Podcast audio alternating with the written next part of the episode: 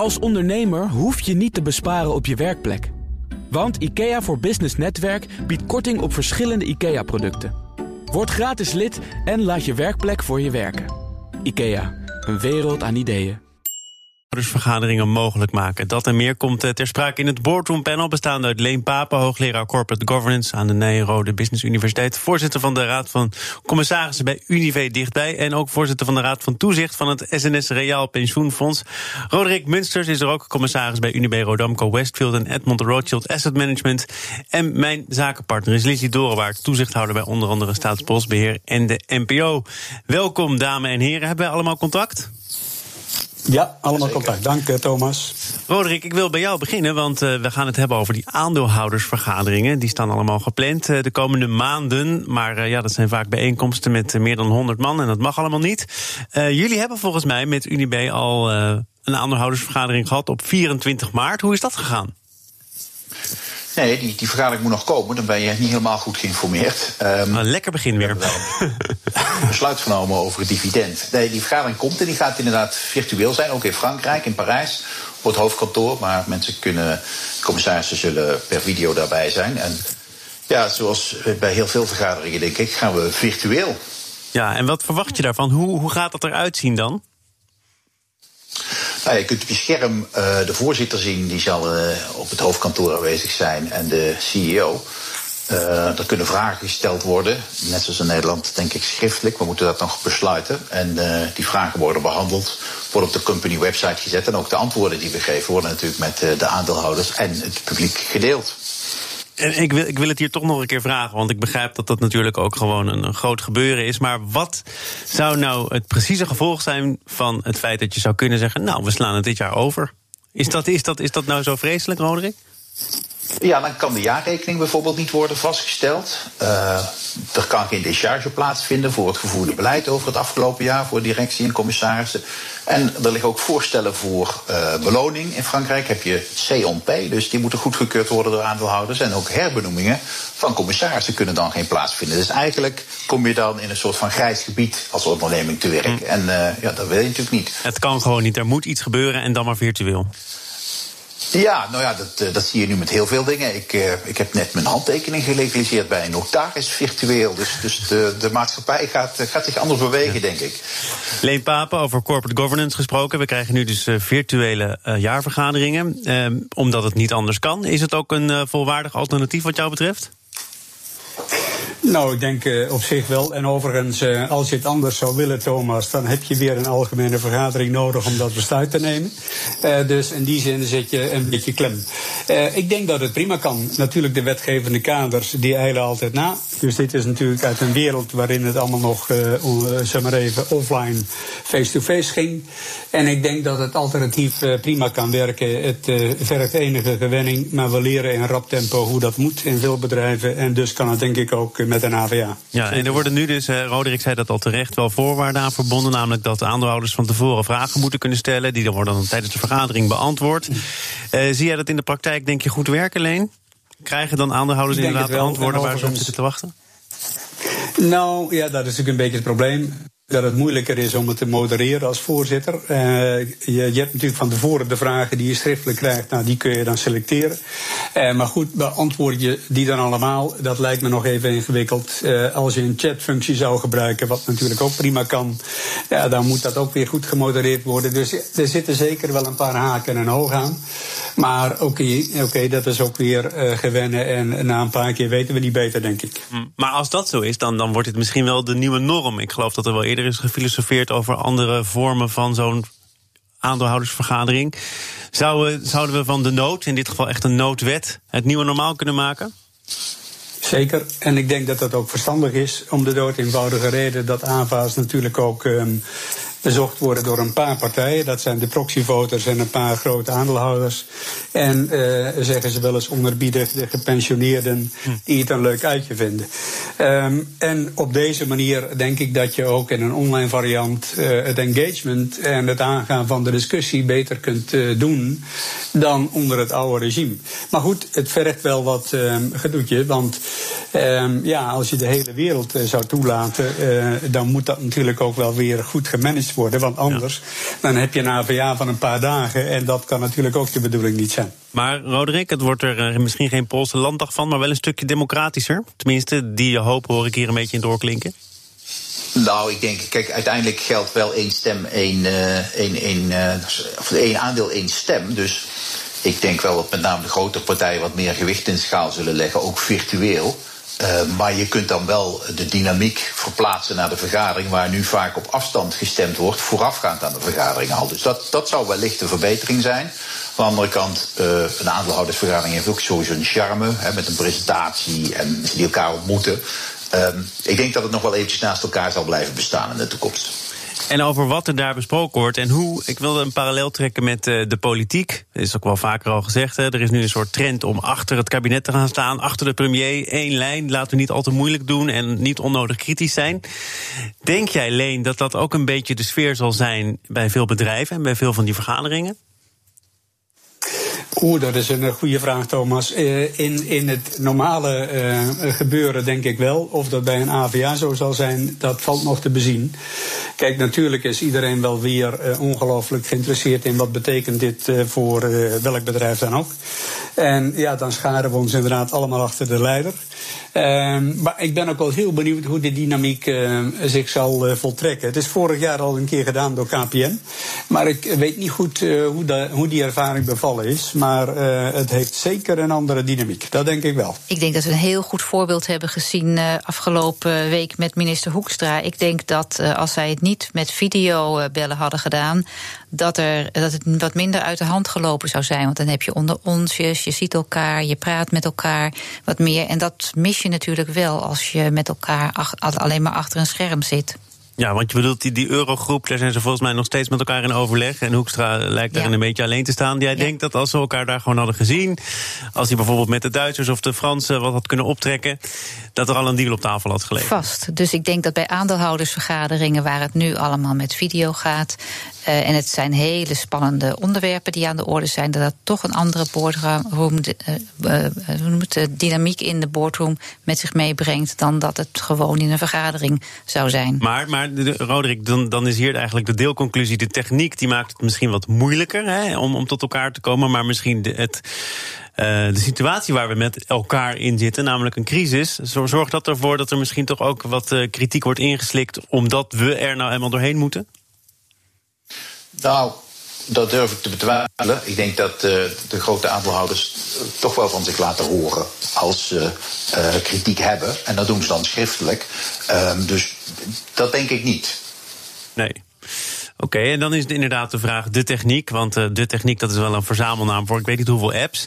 Uh, Lizzie, klopt het dat jij al van Zoom afscheid hebt genomen? Nou, ik probeer het, want dat is wel de eerste waar iedereen naartoe pakt. Uh, Zoom is, ik weet niet het fijne van, maar er wordt gesuggereerd dat het niet zo veilig is. Uh, de eerste combinatie met Facebook werd er genoemd. En er zitten veel Chinezen in het bedrijf. Nou, je kunt inloggen met je Facebook-account. Ja, maar ik geloof ja. dat het management nu wel al heeft gezegd: wij gaan alles op alles zetten. Want dit gaat natuurlijk als een lopend vuurtje ja. om die veiligheid ja. uh, te kunnen waarborgen. Dus mijn voorkeur gaat op dit moment uh, naar uh, Teams. En er zijn ook zelfs Nederlandse initiatieven. Ik geloof het bedrijf Swim, dat benaderde mij. Het, die het heel erg op veiligheid hebben. En ook Teams is wat veiliger. Dus het is natuurlijk, we worden eigenlijk uh, enorm uit onze comfortzone gehaald. We moeten heel snel uh, schakelen en gebruik maken van producten uh, waar we normaal genomen niet zo snel gebruik van zouden maken. Denk ik. Dus aan de ene kant heel positief. Namelijk, we gaan nieuwe dingen doen. Zoals net werd gezegd, ondertekening digitaal, zelfs bij notarissen. En met elkaar vergaderen. Dat scheelt heel veel tijd, gaat ook heel veel sneller, heel efficiënt. Uh, maar aan de andere kant zijn we wat minder zorgvuldig met welke techniek gebruiken we. Dat is het nadeel bij het hele grote voordeel wat we hebben van ja. de innovatie die er nu plaatsvindt. Leen, zou jij nog zeggen van nou, er kan heel veel inderdaad, maar er zijn zaken, ja, dat, dat kan ik niet toevertrouwen aan welke app dan ook. Dus dat, dat laat ik dan even liggen? Nou, als ik het even zo mag benaderen. De uh, surveillance maatschappij komt natuurlijk wel heel snel dichterbij. Dat was al een issue. Het wordt een steeds groter issue. Ook als onze regering een app in het leven wil roepen. dan is dat vanuit het belang van de maatschappij wel te begrijpen. Maar vanuit het individu is dat zorgwekkend. En ik heb een hele simpele oplossing. die denk ik dit probleem in belangrijke mate kan helpen. Leen, ik doe even tromgeroffel. Als jij een simpele oplossing hebt voor een groot probleem. dan ben ik daar heel benieuwd naar. Nou, die zal ik je vertellen. Ja. En die hebben we ook al verteld aan het ministerie van Binnenlandse Zaken. Ik werk namelijk met een paar collega's samen om dit uh, verder te brengen. En dat is zet in de grondwet niet alleen dat jouw en mijn uh, fysieke identiteit uniek is en bij jou hoort en beveiligd is, maar ook voeg het woord digitale toe. Dus je hoeft slechts één woord toe te voegen aan de grondwet en dan heb je dit probleem opgelost, want dan is de digitale uh, identiteit van jou en mij ook beschermd. Dan moeten bedrijven daar zorgvuldig mee omgaan, daar waar ze dat nu absoluut niet doen. En uh, op die manier denk ik dat een heleboel onheil kan worden voorkomen. En dan is het aan mij en aan jou om te bepalen aan wie je toegang verleent tot welke gegevens. En um, dit is in ieder geval in zijn uitwerking uh, nog wel complex, maar in zijn uh, toepassing heel simpel. Wacht even, want een uitwerking en een toepassing, is dat dan toch niet min of meer uh, nou, dezelfde medaille? Want je kunt wel zeggen, ja, de digitale bescherming vinden we belangrijk, het staat in de grondwet. Maar je moet het ook nog wel kunnen organiseren. Zeker, en daar uh, worden bedrijven dan netjes toe opgeroepen om dat te doen. Dus ik heb Zoom nu inmiddels van mijn iPad en mijn telefoon afgehaald. Omdat ik inmiddels ontdekt heb dat Zoom hier dus niet goed over heeft nagedacht. Zit Roderick dan in zijn eentje op Zoom? Nee, eh, ook al niet. Je kunt bij Cisco WebEx oh. gewoon gebruiken of BlueJeans. Uh, dus, dus er zijn voldoende, ook, ook voor internationale bedrijven, voldoende uh, toepassingen die in een virtual private netwerk kunnen draaien en waar je uh, gecontroleerd kunt zien wie wel en niet aansluiten. Dus hm. ik, ik denk Zoom is gewoon uh, voor, voor, particulieren, hetzelfde als Skype, uh, niks mis mee. Ja. Uh, of FaceTime bij Apple.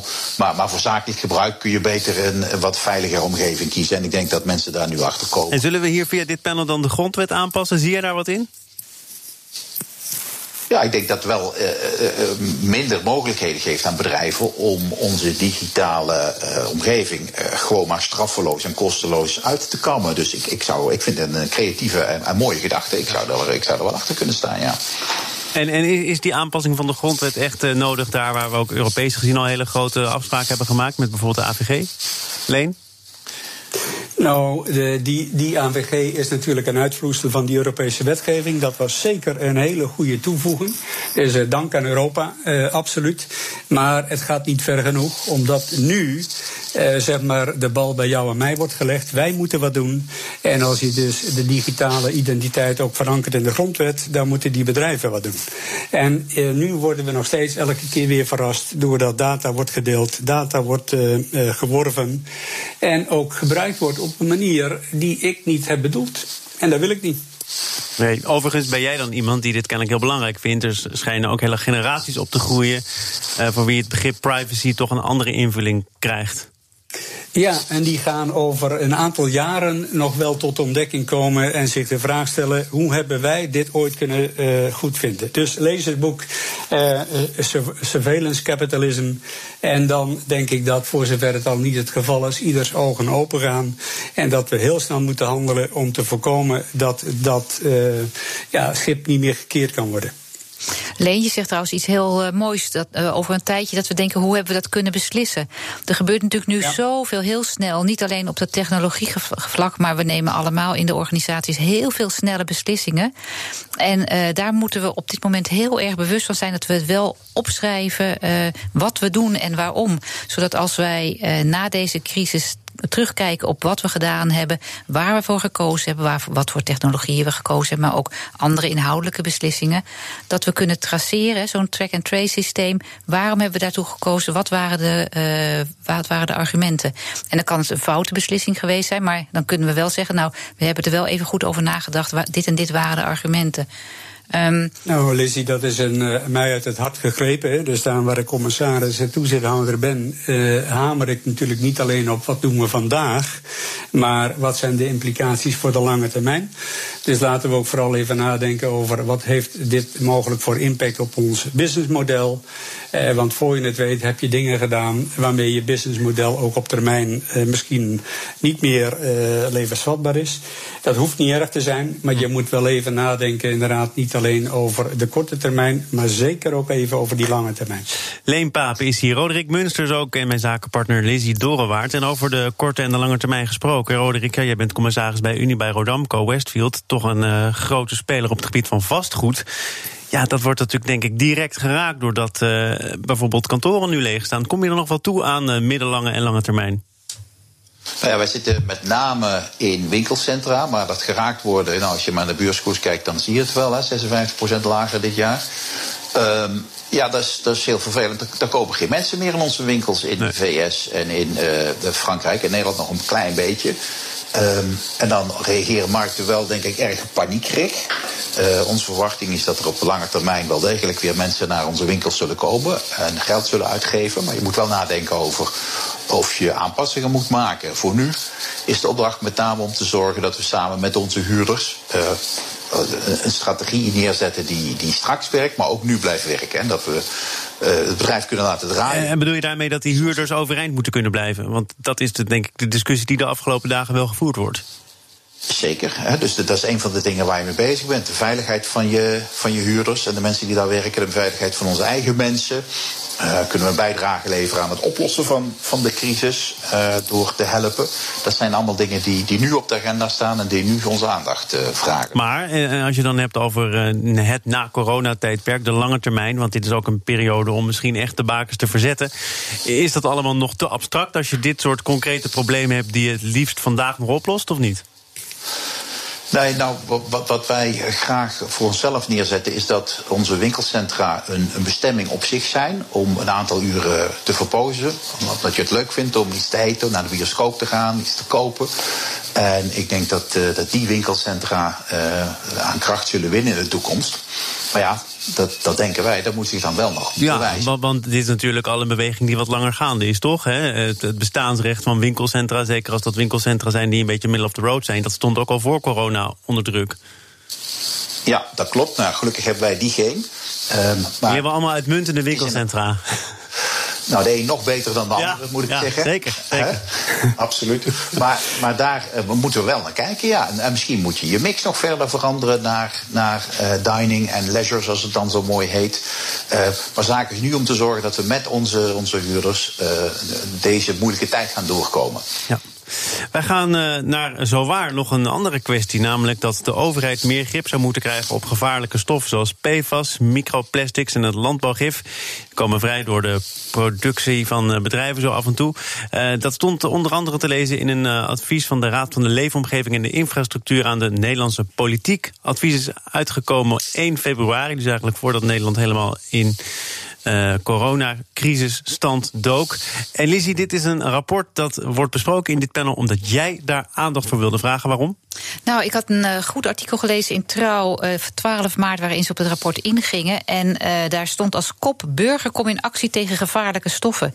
En als je, het is natuurlijk heel vreemd dat een overheidsrapport eigenlijk zegt: kom op, jongens, roer je stem. En we zijn, want er is echt iets helemaal niet goed aan de hand. Het is geen vrolijk rapport. Um, we vervuilen, je ziet nu heel goed met de crisis, dat is wel heel mooi, hoe erg vervuilend we bezig zijn. Onze lucht is nu schoner en het water is, wordt helderder. Maar we, zijn ook, eh, we vervuilen ook enorm in het water met dingen die we niet zien. Zoals die microplastics en PFAS en uh, medicijnresten. En uh, bijvoorbeeld vorige, vorig jaar heeft de waterinname in de Maas even stopgesteld stilgelegd. Omdat daar een verhoogde concentratie van bestrijdingsmiddelen en medicijnresten in zaten. Dat is toch te gek voor woorden dat we onze uh, omgeving zo vervuilen. Nou, dit rapport gaf daar handen en voeten aan. En zegt echt, we moeten wat doen. Burger, kom op. Maar ik vind eigenlijk, de burger moet niet opkomen. Wij als bedrijven, besturen en de raden van toezicht, die hebben de verantwoordelijkheid om misschien nu in de tijd dat het iets stiller is in het bedrijf, om eens stil te staan bij waar zijn we eigenlijk mee bezig? Kunnen we wat minder vervuilen? Kunnen we wat zorgvuldiger omgaan met producten. Maar is maatschappelijke druk niet ook een drukmiddel om dit bij bedrijven en de politiek voor elkaar te krijgen? Ja, maar het is toch te erg voor woorden. Dat, dat besturen en raden van toezicht het niet zelf oppakken en niet zelf kijken hoe kunnen we wat doen. Want we, we, zijn onszelf aan het uh, ja, nou ja, vergiftigen. Is het, is het de prioriteit nummer één op dit moment? Hè? Want je ziet bijvoorbeeld in de politiek, daar zouden ze op 1 april zouden ze komen met uh, de nieuwe maatregelen die dan zouden kunnen voldoen aan het Urgenda-fonds. Minister Wiebes heeft zelf gezegd, ja, dames en heren, ik heb echt wel wat anders aan mijn hoofd en dat geldt voor heel Nederland. Uh, is dat bij bedrijven niet net zo dan? Ja, bij bedrijven net zo, maar je laat je niet leiden door de waan van de dag, zou mijn boodschap zijn. Maar probeer juist deze tijd ook te benutten door uh, teams in te zetten op vragen, vraagstukken die meer naar een circulaire economie toe gaan. Eh, zoals minister Schouten die een eh, stuk heeft geschreven over we moeten naar circulaire landbouw. Laten we nu, he, nu er in de landbouw misschien dingen stil liggen. Um, laten we nu nadenken, hoe kunnen we stappen zetten? Misschien is daar nu wel ruimte voor. Dus gebruik deze tijd om dat wel op te pakken. Ja, Leen, denk je dat dat inderdaad kan? Dat er uh, mentaal, maar ook gewoon in de agenda ruimte is om juist dit soort zaken nu te bespreken? Nou, op dit moment uh, is dat natuurlijk, uh, denk ik, uh, wat lastig. Maar laat ik wel even vooropstellen dat het belangrijk is dat dit gebeurt. En uh, ook dit is weer uh, een groot probleem waar wel in aanzet simpele oplossingen voor te bedenken zijn. En dat noemen economen met een heel mooi en duur woord externalities. En het vergiftigen van het milieu uh, door middel van stoffen is zo'n externality. Uh, dat wordt niet in de kostprijs meegenomen. En dus is het voor bedrijven als het ware aantrekkelijk om daar onvoldoende aan te doen. Maar eigenlijk dus zeg je toch, het is, het is wel belangrijk, dus maar niet vandaag, want we komen er niet aan toe. Nou, ik vind het uh, ook vandaag belangrijk. Maar ik snap wel dat er soms ook prioriteiten gelden. En dat op dit moment uh, de gezondheid van Nederland en uh, iedereen in de wereld net iets meer aandacht krijgt. Maar nogmaals, die externalities, als je die kosten gaat meenemen in kostprijsberekeningen, in jaarverslagen. En daar zijn allerlei formats al lang voor beschikbaar. De, veel bedrijven doen dat ook. Die zijn ook bezig met impact reporting. Waarin ze nadenken wat is wat wij doen en wat gebeurt daarmee in het milieu. En wat is de impact en de schade? Dus daar wordt al over nagedacht, daar wordt al over gerapporteerd. Uh, daar zijn frameworks voor beschikbaar. Maar het helpt natuurlijk enorm op het moment dat je ook een zekere druk krijgt, of vanuit de maatschappij, of vanuit de burger, of vanuit de regelgeving, om die externalities ook op die manier echt mee te nemen. Want dan verandert het gedrag van bedrijven ook vanzelf, want het kost namelijk geld. Roderick Munsters met uh, de laatste woorden over dit thema, want we, we vliegen er doorheen. Roderick, wat wil jij hierover zeggen? Moet het van de bedrijven komen, van de politiek, van de burgers? Staat het een niet los van het ander? liefst van allemaal. En vanuit de bedrijvenkant zou ik willen zeggen dat als je als bedrijf daar nu mee moet beginnen, dat je wel rijkelijk laat bent. Um, he, dus dus de, jezelf duurzaam gedragen, aandacht voor, voor het milieu bijvoorbeeld, is iets wat uh, al een aantal jaren zou moeten gebeuren. Um, dus nadenken over je energieverbruik, over je CO2-uitstoot, als dat, als dat aan de orde is. Uh, daarover rapporteren en een ambitie hebben om dat fors te verlagen. Uh, hoort wat mij betreft bij je normale bedrijfsvoering. En dat je daar nu even minder aandacht aan geeft in de, in de communicatie, dat is tot daar aan toe. Maar ik, ik mag hopen en verwachten dat ondernemers daar gewoon mee verder gaan. En ik vermoed dat consumenten daar ook in de toekomst nog meer aandacht voor zullen geven. Financiële markten doen dat in ieder geval. Hè, dus daar is steeds meer aandacht voor hoe bedrijven scoren. En je ziet nu dat met name die ondernemingen die hier een, uh, goede track record op hebben, op de beurs ook minder geraakt worden. Dus dat is wel een interessante waarneming. Roderick Munsters, commissaris bij Unibe Rodamco Westfield Edmond de Rothschild Asset Management. Leen Papen, hoogleraar Corporate Governance aan de Nijrode Business Universiteit. Voorzitter van de RVC bij Unive dichtbij. En voorzitter van de Raad van Toezicht van het SNS Reaal Pensioenfonds. Zij vormde samen met mijn zakenpartner Lizzie Dorenwaard, toezichthouder bij Staatsbosbeheer en de NPO, het boardroom panel. Lizzie, dit was je debuut. Gaat snel, hè? Het gaat heel snel. En ik had er heel veel nog willen zeggen, maar misschien tot de volgende keer. Ik denk het wel. Dat moet dan de volgende keer komen. Uh, mijn volgende keer, dat is niet morgen en ook niet maandag, want dan is het uh, Goede Vrijdag en Pasen. Dan zenden wij dit programma niet live uit. Dinsdag, dan uh, doe ik aan thuisvakantie, heel modern. Dan is Edwin Mooibroek hier om het gesprek aan te gaan met de directeur van de Keukenhof, die dit jaar niet door kan gaan. Bart Siemerink. Dinsdag dus in BNR Zaken doen. Zometeen eerst Mark Beekhuis. Hij presenteert de dagelijkse podcast van het FD en BNR Newsroom. Veel plezier en tot over een weekje. Als ondernemer hoef je niet te besparen op je werkplek. Want IKEA voor Business Netwerk biedt korting op verschillende IKEA-producten. Word gratis lid en laat je werkplek voor je werken. IKEA, een wereld aan ideeën.